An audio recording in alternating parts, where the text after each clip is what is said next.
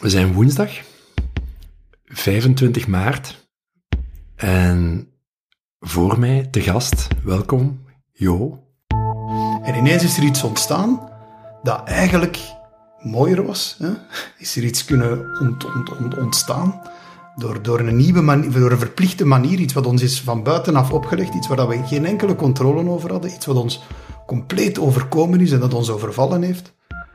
En we zijn tot iets gekomen dat we eigenlijk een soort dankbaarheid uitdrukken tegenover dat groot zwart beest dat ons ineens overvallen heeft. Corona en de verborgen schat is een podcast van de Story Club. Wij geloven dat er een verhaal schuilt in alles en iedereen, ook in corona. En van de grote verhalen kunnen we leren dat er een crisis nodig is om tot een ommekeer te komen. Dat er in de diepste duisternis een schat ligt verborgen. Met deze reeks willen we je inspireren om op zoek te gaan naar welk verhaal er in jou schuilt en welke lessen jij kan leren in deze crisis. Jo de Wolf. Wij kennen elkaar een beetje, maar niet zo erg goed. We hebben ooit een project samen gedaan, dat is misschien acht, negen jaar geleden. En op een of andere manier ben je altijd in mijn aandachtsveld gebleven. Ik weet niet hoe het komt, maar dat gebeurt dan online. En nu met dit initiatief dacht ik, ja, Jodus, ik, ik, ik, ik ga je zelfs vragen om je even voor te stellen. Um, wat nu top of mind bij mij is, is dat je zei, ja, ik wil het wel doen. Um, en dan stuurde je mij gisteren een e-mail van een A4'tje lang met jouw reflecties op waar we zijn in deze coronatijd of wereldcrisistijd. En dat heeft me echt omvergeblazen, eigenlijk. Want zo kende ik je niet. Dus dat is een beetje een leuke cliffhanger, misschien wel een luisteraar. Uh, wat zal dat zijn? Maar wie is Jo? Ja, dankjewel. Een mooie intro, dankjewel. Um, ik ben uh, de CEO van Montea. Montea is een beursgenoteerd bedrijf uh, dat ik dit jaar tien jaar mag leiden. En we hebben elkaar inderdaad ontmoet helemaal in het begin van mijn carrière bij Montea. Toen we eigenlijk met een aantal jonge mensen wilden gaan definiëren wat is nu het verhaal, wat is de, het unieke verhaal dat Montea wil brengen. En je hebt ons toen geholpen en goed geholpen om dat te definiëren. En dus dat is de afgelopen tien jaar mijn grote bezigheid geweest, het ontwikkelen van, van dat bedrijf. En daarnaast ben ik uh, papa van drie uh, opgroeiende kinderen, twee van veertien en eentje van uh, tien. En uh, probeer ik eigenlijk de zaken die ik professioneel doe, ook thuis een stuk door te trekken. Hè, om eigenlijk dezelfde principes, dezelfde waardes in bedrijfsvoeren en in het gezin door te trekken.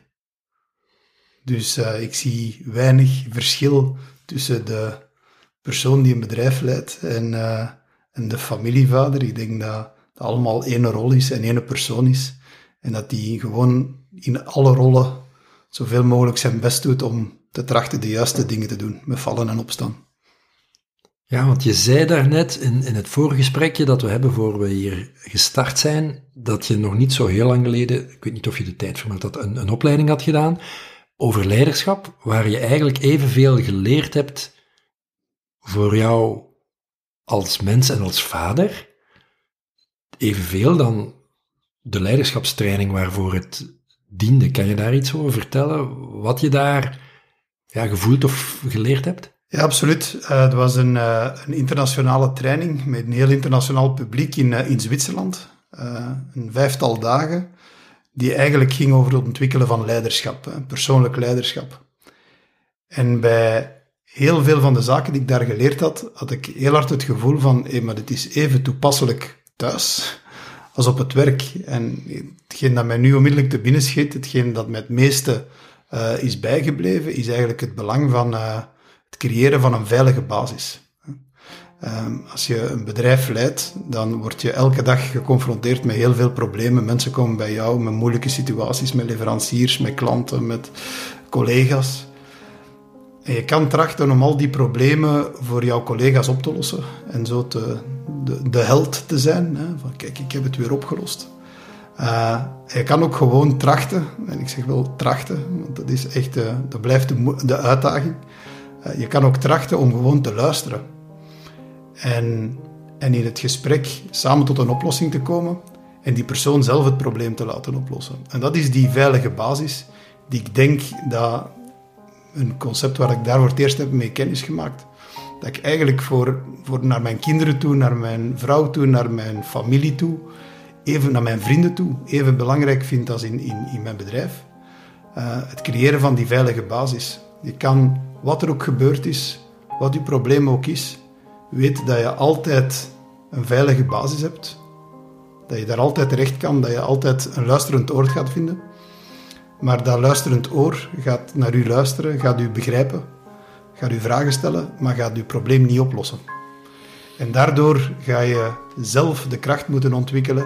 Het is maar door die kracht en door de zaken zelf op te lossen dat je ook als persoon groeit, dat je ook als bedrijf uh, groeit en dat je ook sterker uit de problemen komt. Hè. Want uiteindelijk is elke tegenslag een, een, een uitdaging om, om, om het volgende keer beter te doen.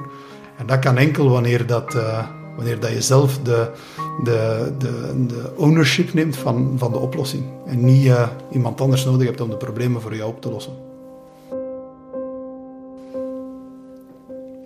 Ik heb dan zo de reflectie voor mezelf dat ik denk, ik, ik, ik zit ook in coaching en, leiderschap. En dan stel ik vast dat het thuis vaak het moeilijkste is om dat te oefenen.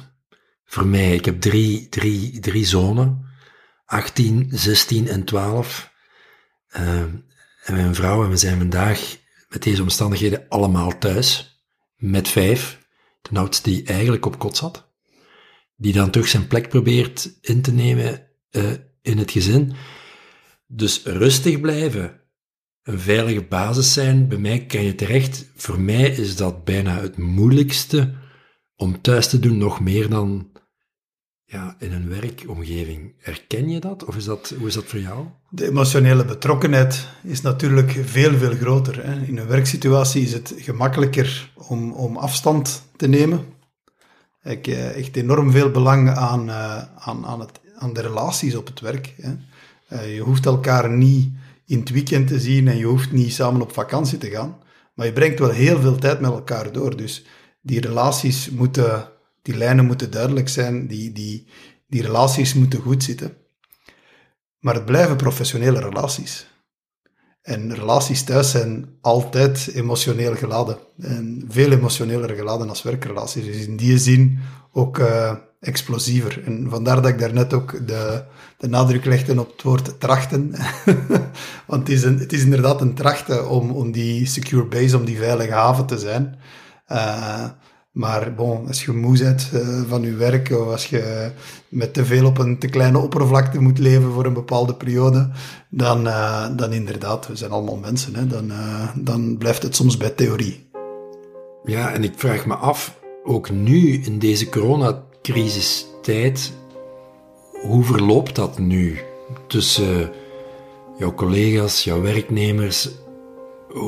Kan je daar naar kijken en zeggen, ja, die veilige basis staat die nu onder druk, zijn er, is er veel angst? Heb je het gevoel van, nu moet ik daar hard op oefenen? Of... Ik denk als, als bedrijf um, hadden we het geluk, ik wil dat het woord geluk hier niet echt op zijn plaats is, hadden we ons eigenlijk voorbereid. We wisten dat er een, een zwarte zwaan ging komen. Hè. Iedereen was aan het kijken richting... Uh, Trump en waarschijnlijk een of andere handelsoorlog die er zat aan te komen. Maar het is een, een, eigenschap van een zwarte zwaan dat ze altijd op een manier komt dat je ze zeker niet verwacht had. En dat is gebeurd nu, gebeurt nu met corona. Hè. We zitten nu in een situatie dat we nooit hadden kunnen voorzien dat zoiets ging gebeuren. Maar we wisten dat er iets ging gebeuren. Hè. Economen zeiden ook meer en meer, we zitten in de reservetijd van de reservetijd qua hoogconjunctuur. Dus we wisten dat linksom, rechtsom ergens uh, ons iets te wachten stond.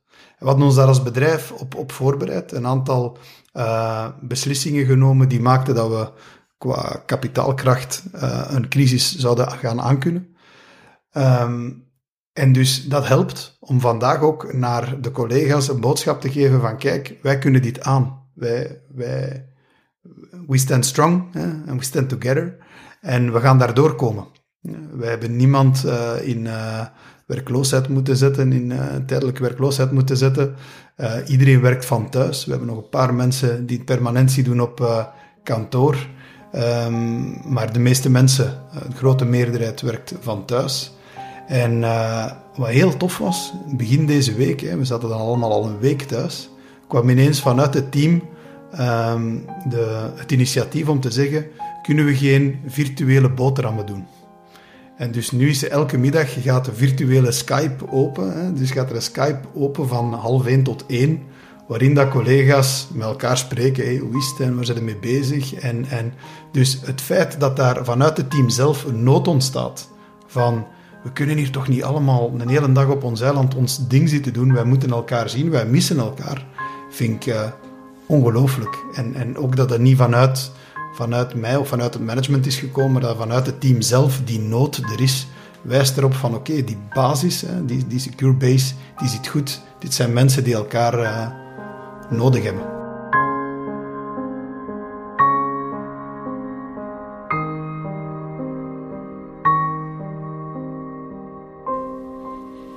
Zou je kunnen zeggen dat, ja, dat de crisis die nu speelt, je zei van ja, de zwarte zwaan, er moest iets gebeuren.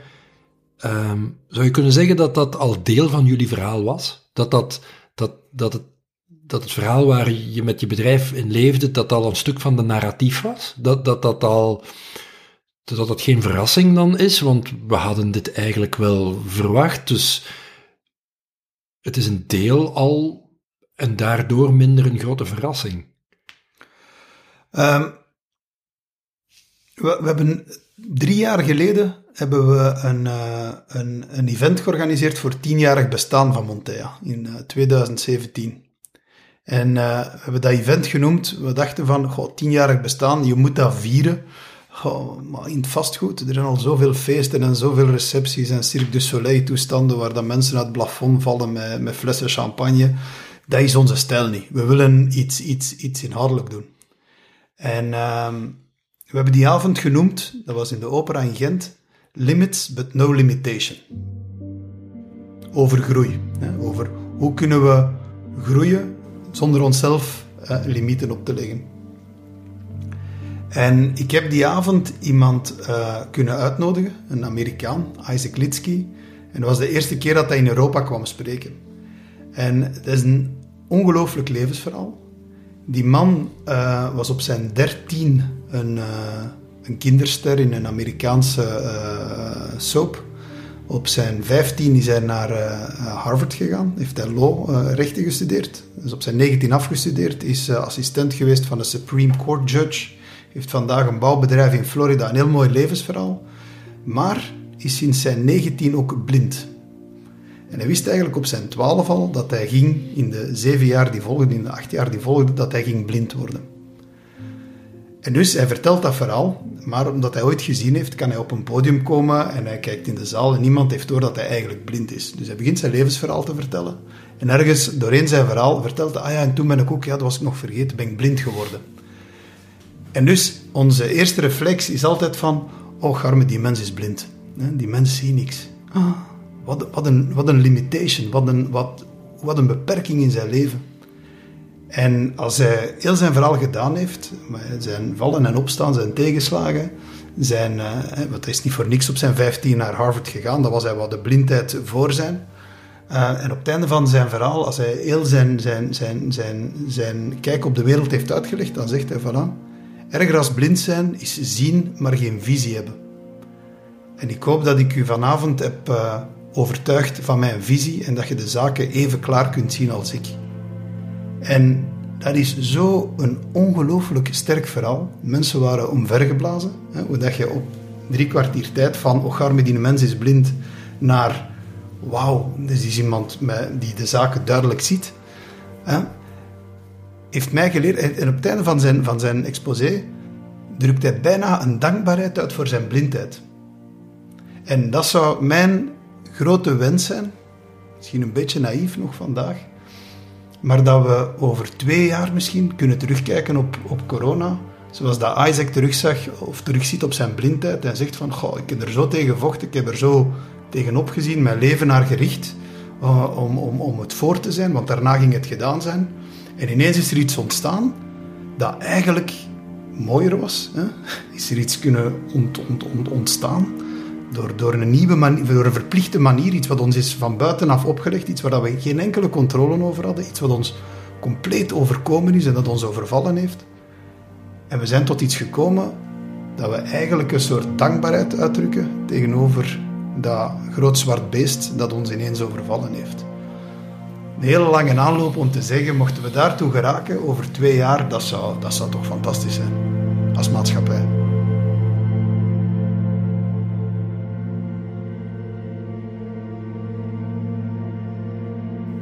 En dat, dat brengt mij bij jullie baseline.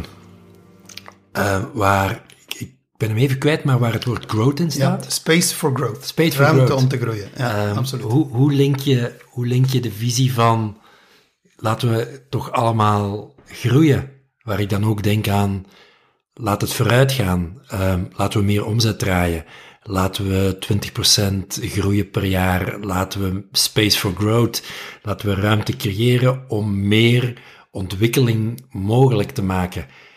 Um, gaat dat hand in hand met een andere wereld?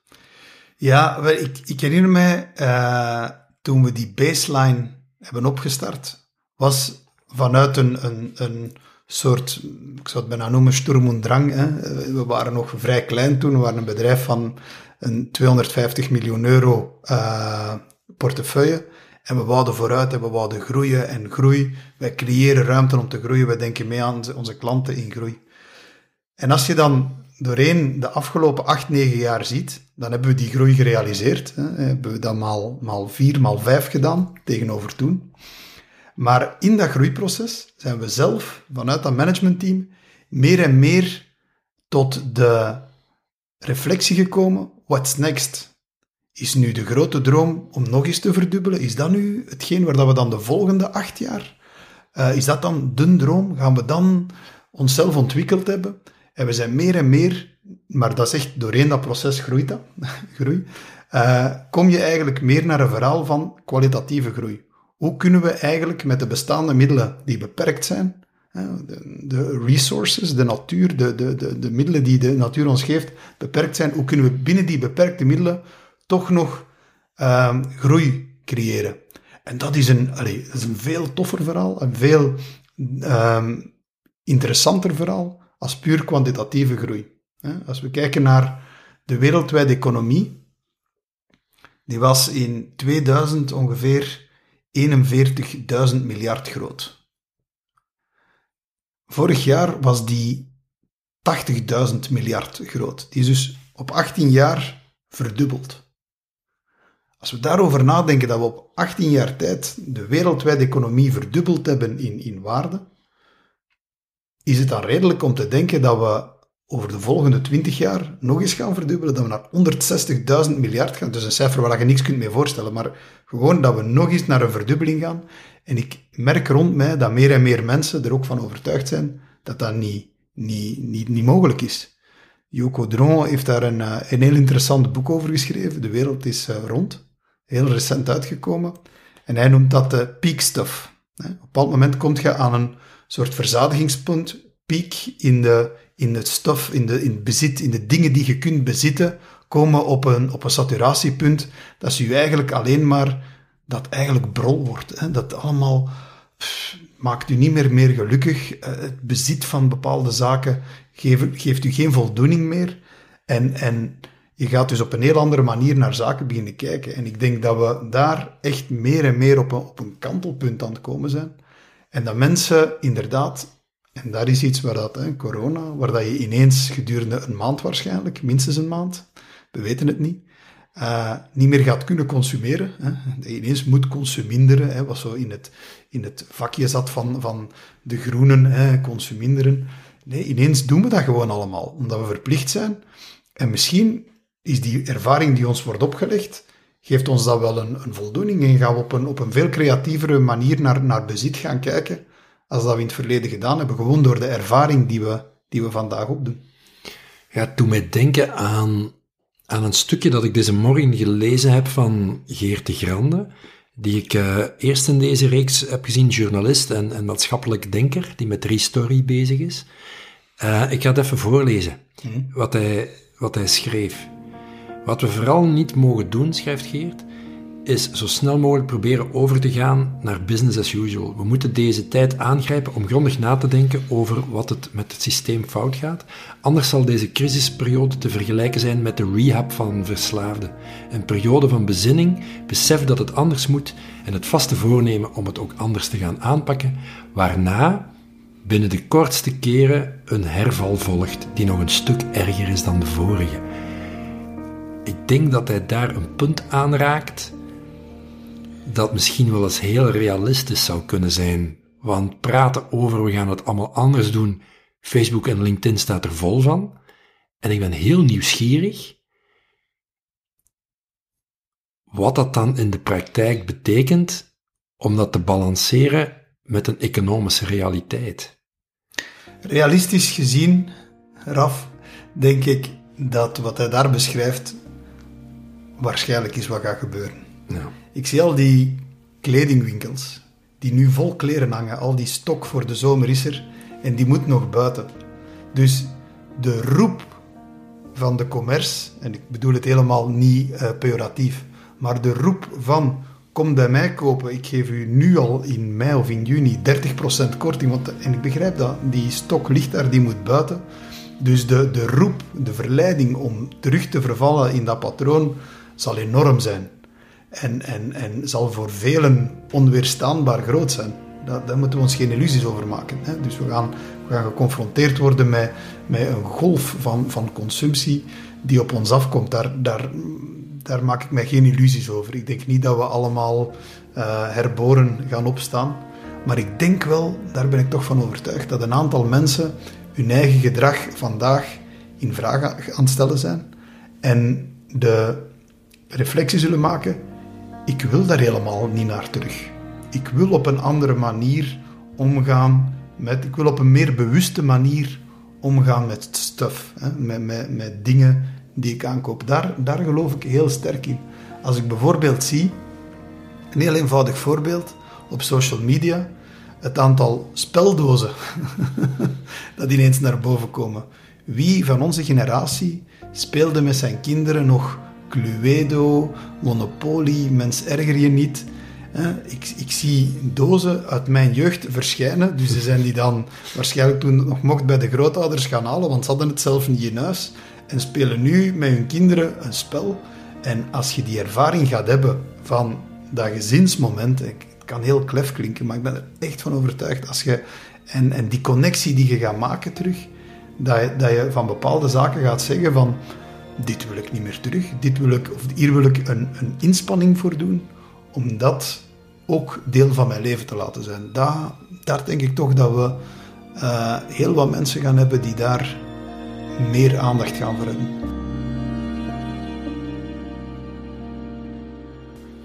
Geloof ik ook wel. En daarbij, dus ik wil dat zeker niet vervangen, ik wil er iets naast leggen. Daarbij voel ik ook een soort van druk en stress uh, die ontstaat um, van nu moeten we leren, nu moeten we quality time doorbrengen, nu moeten we de spelletjesdoos, nu heb ik tijd, nu moet ik wandelen, nu moet ik met kinderen bezig zijn. Um, dat het ook een soort van mini-crisisje emotioneel kan um, teweegbrengen. De, de soort van maatschappelijke verwachting nu moet het gebeuren. Nu moet het gebeuren. ik heb er de tijd voor. Terwijl het ook wel een verwerkingsproces is, denk ik, voor, voor mezelf. Als ik naar mijn eigen kijk, ik ben door een periode van rouw gegaan om afscheid te nemen van het voorjaar dat ik klaarstaan had. En dat dan stilvalt en dat ik vrij snel en stoer zei, het is een bult in de weg, maar in het najaar sta ik weer stevig. Maar dan een paar dagen later toch in een soort van rouw kom.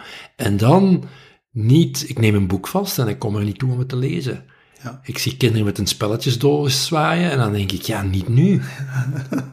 heb, je, heb je dat ook niet, dat, dat, heb je ook niet dat gevoel? Wel, bij, bij ons qua business is het nog niet stilgevallen. Hè? Dus wij zitten natuurlijk in, in, in, met onze klanten die, die heel wat vragen hebben, die moeten opgevolgd worden. Uh, dus, dus qua, er komen ook nieuwe opportuniteiten. Uh, dus, dus qua business zijn wij nog niet stilgevallen. En heb ik ook niet de indruk dat we gaan stilvallen. Wat ik vooral ervaren heb thuis, um, is dat de eerste dagen heel stressvol waren. En het is heel typisch, we zijn niet meer gewoon om om te gaan met onzekerheid. Er was een econoom die op de radio zei, ik vond dat een fantastische uitdrukking, beurzen, want de beurs stuikte gewoon in op bepaald moment. En die zei, beurzen of beleggers zijn gewoon om om te gaan met risico. Dat verstaan ze, 50-50, 30-70, dat kun je uitrekenen. Maar onzekerheid, we weten het niet. Het kan morgen zijn, het kan over een maand zijn. Dat leidt tot algemene paniek. En die paniek die ik heb gezien op de beurs, die heb ik ook voor een stuk bij mij thuis gevoeld. De kinderen horen vrijdagmorgen, vanaf, vanaf vanavond ga je niet meer naar school. En dan krijg je de vragen van, ja, maar hoe en wat gaan we dan in de paasvakantie doen? Gaan we dan nog op reis mogen gaan? Uh, mijn jongste doet zijn communie. Ga ik mijn communie nog kunnen doen? Hè? Uh, wat is de zomer? En, en dus er is heel veel onzekerheid. En misschien terug een stukje secure base. Je doet geen beloftes die je niet kan maken. Je zegt niet van uh, tegen 5 april zal het wel opgelost zijn en de paasvakantie gaan we naar Italië. Nee, je zegt gewoon, we weten het niet. We gaan van de avond, kom je naar huis. Uh, vanuit school hebben ze gezegd dat ze bepaalde taken gaan geven. En dan in het weekend die onzekerheid, ja, maar moet die dan tegen s'avonds doen of tegen... We weten het niet. We gaan het maandag zien. Hè. Ook op school was het een volledig nieuw gegeven. En dus het is een, een les in aanvaarding. En we zijn dat niet meer gewoon. We zijn niet meer gewoon dat, we, dat er niemand is die het onder controle heeft. De onzekerheid is, is veel beangstigender als, uh, als, als, als wat dan ook. En, en dat is wat ik vooral die eerste dagen heb ervaren. Uh, ik moet zeggen, bij ons heeft die echt plaatsgemaakt voor aanvaarding. We zien waar dat we nu in zitten. Uh, we maken daar het beste van. Uh, dat betekent dat iedereen probeert om structuur te houden in zijn dag. Maar dat er dus inderdaad, omdat er geen uh, transporttijden meer zijn, omdat er geen hobby's meer zijn, omdat er geen vrienden zijn, omdat er geen netwerkevents zijn, hè, waar dat we naartoe moeten, we, moeten, we moeten niks, komt er gewoon tijd vrij. Nu, ik voel niet die druk om boeken te lezen en, en, en, en wat dan ook. Als dat komt, dan zal ik die met heel veel plezier nemen. Die is er vandaag nog niet. Maar ik voel wel dat er een hele andere manier uh, van leven is. Dat we veel meer tijd samen doorbrengen. En uh, ik moet eerlijk zeggen, voor mijzelf tracht ik zoveel mogelijk te genieten en mij geen, zeker niet van buitenuit de druk te laten opleggen van uh, je moet die reeks op Netflix gezien hebben of je moet dat boek gelezen hebben. Nee, daar heb vandaag voor mij persoonlijk weinig last van. Wat, wat doet afstand um, met jou? Want je hebt de verbinding van collega's die allemaal samenwerken, teams die samenwerken, kantoor dat bruist van energie. Vandaag vinden teams elkaar online. Je business kan wel een stuk doorgaan, maar het is op een hele andere manier dan het daarvoor was. Wat, wat, wat doet dat met jou? Hoe, hoe ga je daar zelf mee om? Voor mij, heel persoonlijk, um, heeft het het voordeel van um, concentratie. Uh, ik heb heel vaak op kantoor het gevoel van geleefd te worden. Hè. We hebben altijd in open space gewerkt, uh, beschikbaar voor iedereen. Maar dat maakt ook dat je geen meester meer bent van je eigen agenda. En vandaag ben ik, uh, ik zou zeggen, bijna voor het eerst sinds lang uh, terug meester uh, over mijn agenda. ik kan een aantal zaken inplannen, je kan ze gemakkelijk verschuiven, want je hoeft geen mensen hoeven zich niet te verplaatsen, dus je hoeft geen rekening te houden met reistijden. Ja, en je kan naar hier rijden in alle absoluut, rust. Absoluut. Want toen je toekwam, zei je, ik kom best rustig aan, want ik heb net Max Richter in de auto opstaan. Ja, inderdaad, inderdaad ja, het is, bijna onwezenlijk. Hè. Het is een, uh, we hebben het erover gehad, Sleep, muziek van Max Richter is gewoon uh, bijna zoals je Zero Art hebt, zero music, bijna heel lange klanken, maar het is echt de muziek die vandaag past bij deze omstandigheden. alles is vertraagd, de wereld is, is vertraagd. En, en ik sprak daarnet over de onzekerheid van mijn kinderen de eerste dagen. Ik denk ook bijvoorbeeld dat hamsteren dat we de eerste dagen gezien hebben. Dat is puur een uitdrukking van die onzekerheid. Hè. We kunnen daarmee lachen met die wc-rollen en zo. Maar, maar het is een puur menselijke reflex van onzekerheid, van, van, die omslaat in, in paniek. En het mooie is dat als ik naar buiten kijk, als ik rond mij kijk, ik ben gisteren nog in een Albertijn geweest, dan zie ik dat die periode voorbij is. Dat er terug rust is gekomen. En dat dus, denk ik, die aanvaarding waar ik daarnet van sprak in mijn gezin, dat die misschien ook voor een heel deel in de maatschappij uh, door, uh, doorcijpelt. Ik hoorde gisteren nog iemand zeggen, uh, een, een, een, zeer professioneel advocaat, die mij zei van, ik ga het moeilijk hebben om terug te gaan naar de red race. Als die dat na een week zei, dan vraag ik mij af, stel dat we nu nog vijf, zes weken in deze situatie zijn, dan denk ik toch, om terug te komen op uw punt van daarnet, dat er toch een aantal partijen effectief zichzelf de vraag, de, de vraag gaan stellen, hoe wil ik mijn leven verder inrichten? Hoe wil ik, wat, wil ik fundamenteel veranderen? Welke rustpunten heb ik gevonden die ik graag zou bij mij houden? Of waar ik opofferingen wil voor doen om die bij mij te houden? Daarnaast heb je natuurlijk ook, dus ja, en daarnaast heb je dan een, een, economische realiteit van iemand die misschien terug naar zijn werk moet, omdat die denkt, als ik niet in die race stap, dan ben ik failliet binnen een half jaar. Bijvoorbeeld, dat is nu drastisch, maar ik denk dat er best voorbeelden zijn van mensen die denken zelfbewust anders omgaan met mijn tijd, allemaal goed en wel, maar mijn zaak ligt op zijn gat en ik moet heel snel aan heel veel omzet geraken.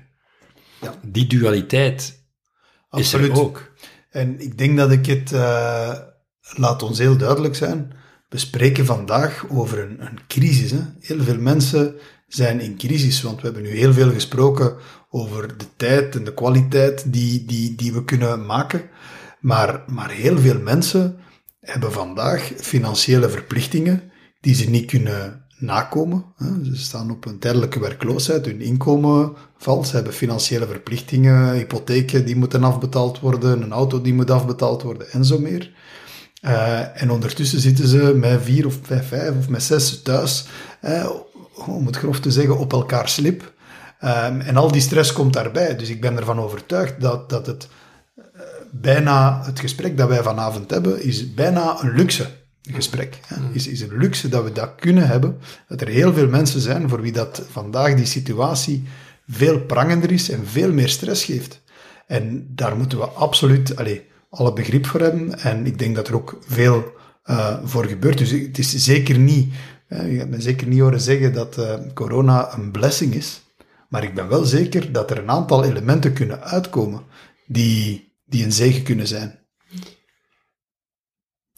Dat brengt me terug naar het stuk wat ik deze morgen van Geert las. Ik neem het er even bij. En ook daar vond ik dat hij een hele mooie vergelijking had. Ik lees nog een stukje. Hè. Waarom zouden we de komende barre weken niet kunnen vergelijken met de pijnlijke barensween waarvan elke vrouw die ook moeder is kan getuigen? Waarom zouden we niet kunnen geloven dat daarna de geboorte volgt van een ongelooflijk mooi nieuw leven, waar ook de pijn in zit van ja, niemand wil de weeën um, die er nu zijn. En je kan je alleen maar vasthouden aan het beeld dat er schoonheid volgt, dat een nieuw leven is, dat je niet kan weten hoe het eruit ziet. Misschien met echografieën vandaag, maar vroeger al niet. Dus ik, ik, ik denk ook wel dat geloven dat er een nieuw verhaal mogelijk is, is iets mooi. En de pijn herkennen die, die, die, die, en bijna noodzakelijk is misschien om tot dat nieuw verhaal te komen. Het is een beetje filosofisch, maar ik geloof daar wel in om, om beide gewoon aan te schouwen en te zeggen, ze bestaan allebei.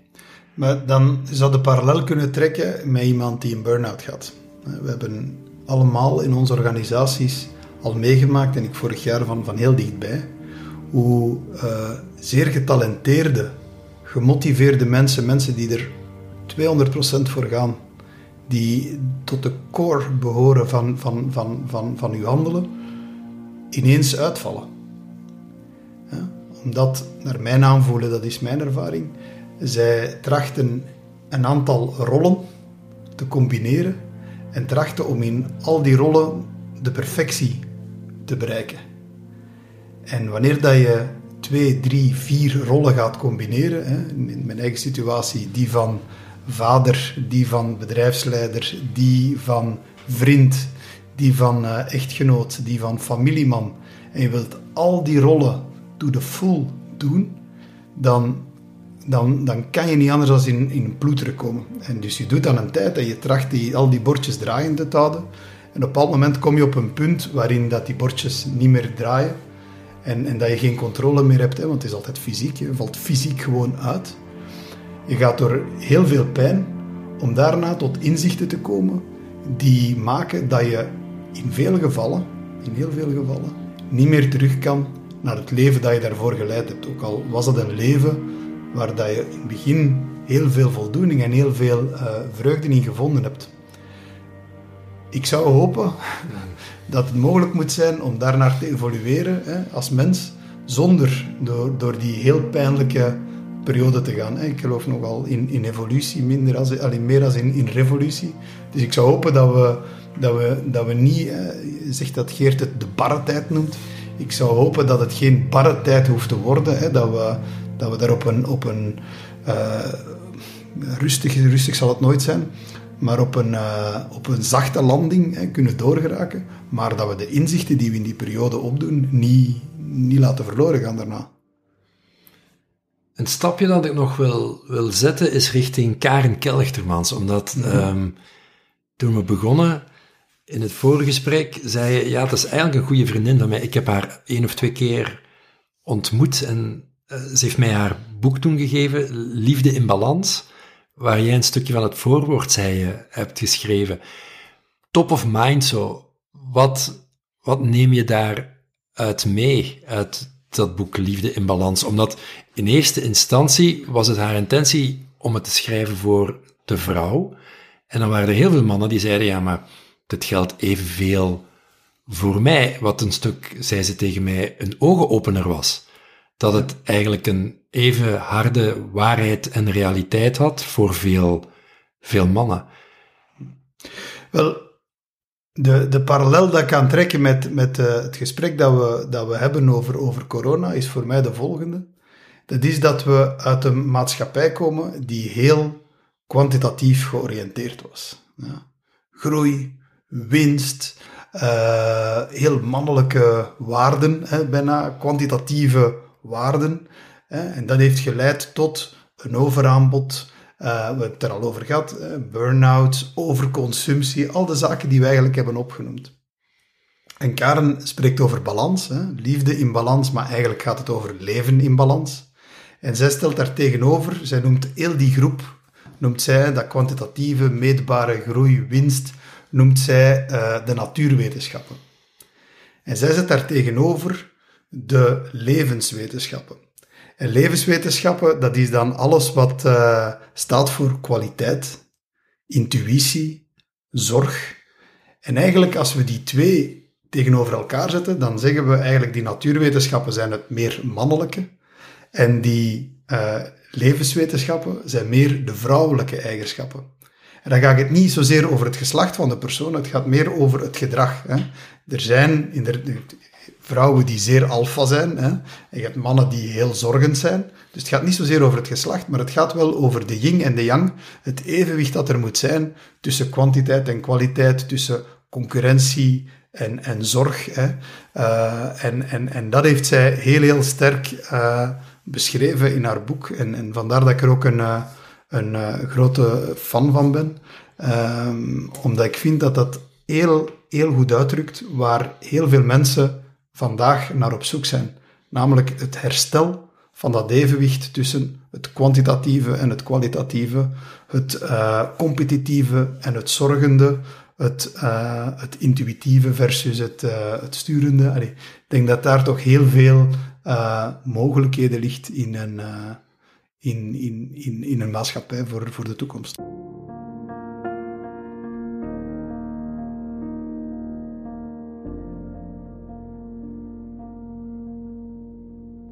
Wat mij nu triggert in wat je zegt, is ook wat je in het begin zei. Hè? Haar boek Liefde in Balans zei ja, eigenlijk gaat het om leven in balans. Ik wil even naar dat woord liefde um, en hart. En ik heb twee jaar geleden zelf een ja, training, zal ik het noemen, sessie, bijeenkomst samengebracht voor leiders en ondernemers. En ik noemde dat Leading from the Heart. En daar zat bij mij wel wat spanning op, om dat zo te noemen. Um, omdat het woord liefde en het woord hart al snel vervangen wordt door leven of door iets anders, omdat in een, in een zakelijke, maatschappelijke context, ja, is dat wat fluffy. Het is toch allemaal wat geitenwolle sokken, of toch te snel.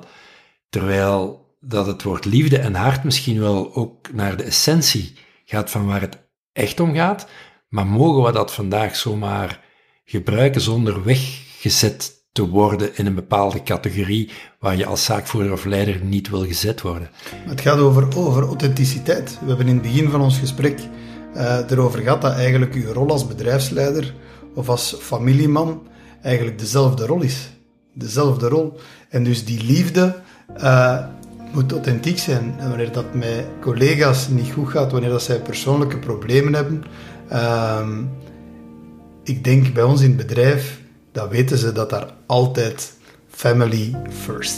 Family first. Hoe kunnen nu presteren? Hoe kunnen nu gefocust zijn op de job als je thuis met spanningen zit, met problemen zit die maken dat je, dat je niet geconcentreerd bent, dat je focus er niet is? Kuis dat op. Doe dat eerst en dan gaan we verder spreken. En dat is, dat is ik denk dat dat fundamenteel is. En dat gaat niet over uh, ogeren och garmen. Uh, dat gaat er gewoon om dat dit niet mogelijk is om, om op het niveau dat wij verwachten dat er gepresteerd wordt te presteren als je, uh, als je zaken niet op orde zijn. En het, woord liefde uh, en, en hearts communication zijn dingen die kunnen en mogen gezegd worden in jouw omgeving op uh, kantoor en werk? Absoluut. Het is een plaats waar, uh, waar ruimte is voor emotie. oprecht emotie. En ik heb er ook geen moeite mee om, om, om, om een emotie te tonen. En ik, ik, allee, um, ik herinner mij dat ik ooit in een in een, uh, op een avond was waar Bart uh, Vragen kwam spreken. Hè. Um, en Bart is nu iemand die vaak wordt weggezet als een, uh, als een soort alfa ondernemer. Ja, voorzitter waar, van Club Brugge, voorzitter directeur van, Club Brugge, van Pro vroeger. Uplace. En, Uplace, ja. en die op een moment in zijn exposé, en het was een gezelschap van 300 man, in de, in de Concernable, en uh, dus een grote zaal. En voor een gezelschap van 300 man heel zijn exposé doet over Urimpro en over Uplace en zo meer. En die ineens als het over zijn team gaat, in emotie valt. Maar ik vind dat ongelooflijk. Dat is, dat, dat, dat is waar ik echt in geloof. Dit is een, een, een, een tribe. Dit moet een groep zijn die aan elkaar hangt, die voor elkaar opkomt, waar de zaken ook uitgesproken worden. Hè. Ik bedoel, we zijn zeker niet fluffy. Uh, er worden bij ons ook mensen ontslagen. Er zijn ook mensen die weggaan. Ik bedoel, we, zijn geen... Uh, we zijn, uiteindelijk ben je geen familie in de zin van... uh, er is geen bloedverwantschap. Maar de mensen waar je dagelijks mee samenwerkt, moeten op dezelfde manier met elkaar verbonden zijn. En dat is emotie en dat is, dat is, dat is passie. En dat kan maar op één manier. En dat is met volle emotie erin.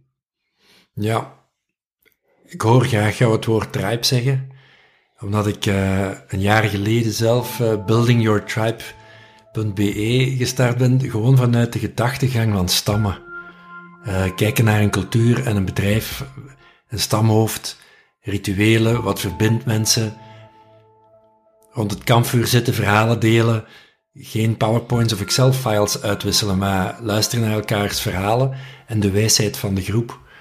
Wat je zegt, limits no limitation, hè, waar we het daar net over hadden. Wij noemen onszelf de Mountaineers. Hè. Dat is een, een ook een WhatsApp-groep, de Mountaineers. Stam, dat is, voilà. Um, je vliegt daar ook uit als je het bedrijf verlaat trouwens, uit die WhatsApp-groep. Daar wordt heel streng op toegekeken. Maar de Mountaineers, daar zijn we twee jaar geleden, zijn we daar, anderhalf jaar geleden, zijn we daarmee drie dagen naar Jordanië in de woestijn gaan trekken. Uh, waarom?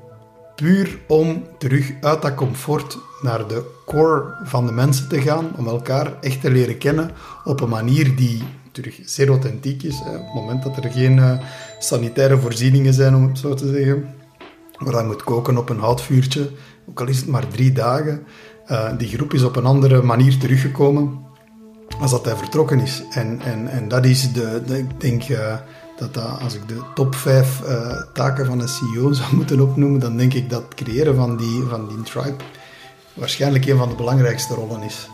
Wist je, Jo, dat ik nu eigenlijk in Jordanië moest zitten? oh, sorry dan dat ik het heb aangehaald. Nou, dat is niet jouw... prachtig land eraf, prachtig. Ik moest, nu, ik moest nu met expeditieleiderschap, was er een groepje van acht mensen samen, waar ik... Uh, naar de Jordaanse woestijn ging. Dus dat was de pijn waar ik daar straks over val van het voorjaar, dat, dat stilviel. Uh, we moesten, wat zijn we? Tijd, hè. We, tijd is een vaag begrip in deze crisistijd. Gisteren moest ik de vlieger nemen met acht leiders en ondernemers om, om naar Jordanië te gaan, om exact wat jij daar gedaan hebt, um, ja, om een tocht, een innerlijke tocht, eigenlijk naar verstilling en helderheid uh, te brengen afstand te nemen om verder te springen, zullen we maar zeggen, als je, of anders te springen. Daarom niet verder, maar om vanuit een andere bril en zelfreflectie te kijken naar, uh, naar je zaak. Uh, leuk punt om mee af te sluiten. Um, onrechtstreekse promo, kijk, wauw, in deze tijd. In het najaar gaat het gewoon door, expeditieleiderschap. Wie zal het zeggen of het in het najaar doorgaat? Ja. Wie zal het zeggen? De onzekerheid waar je over sprak, wat, wat, wat wordt er gevraagd of, of onze vakanties nog doorgaan, de barbecue in de zomer. Die onzekerheid uh, die heerst toch nog volop, denk ik. Dus dank om te komen. Met heel veel plezier, ik ben er heel graag geweest. Ik start er meestal mee, heb ik nu niet gedaan, dus wil ik ermee afsluiten. Um, zowel bij mij als bij ja, Jo, maar ook de andere gasten zit er altijd wel wat spanning van, doen we dit doen we dit niet? Valt dit onder essentiële verplaatsing of niet? En gisteren, ja, gisteren had ik het gesprek met Peter Jongers. Die zei, ja, laten we eerlijk zijn, Raf, het is niet essentieel hier wat we doen en op een andere manier dan weer wel. Um, alle nodige veiligheidsmaatregelen zijn er. We houden een zeker afstand. Ik ga heel hygiënisch en veilig om voor zover dat het kan met deze gesprekken. Mijn eigen online mijn eigen werk is 100% online gericht. Uh, maar goed, we zijn toch samengekomen. En daar wil ik je voor bedanken. Dit was hem. Aflevering 3 uit de speciale reeks Corona en de Verborgen Schat. Onderdeel van de Storyclub podcast. Als je geïnspireerd bent, deel dit verhaal gerust verder. Heb je het gevoel dat dit iets in jou heeft wakker gemaakt? Neem dan gerust contact op dat kan op uh, info.rafstevens.be. Bedankt voor het luisteren voor nu en graag tot een volgende.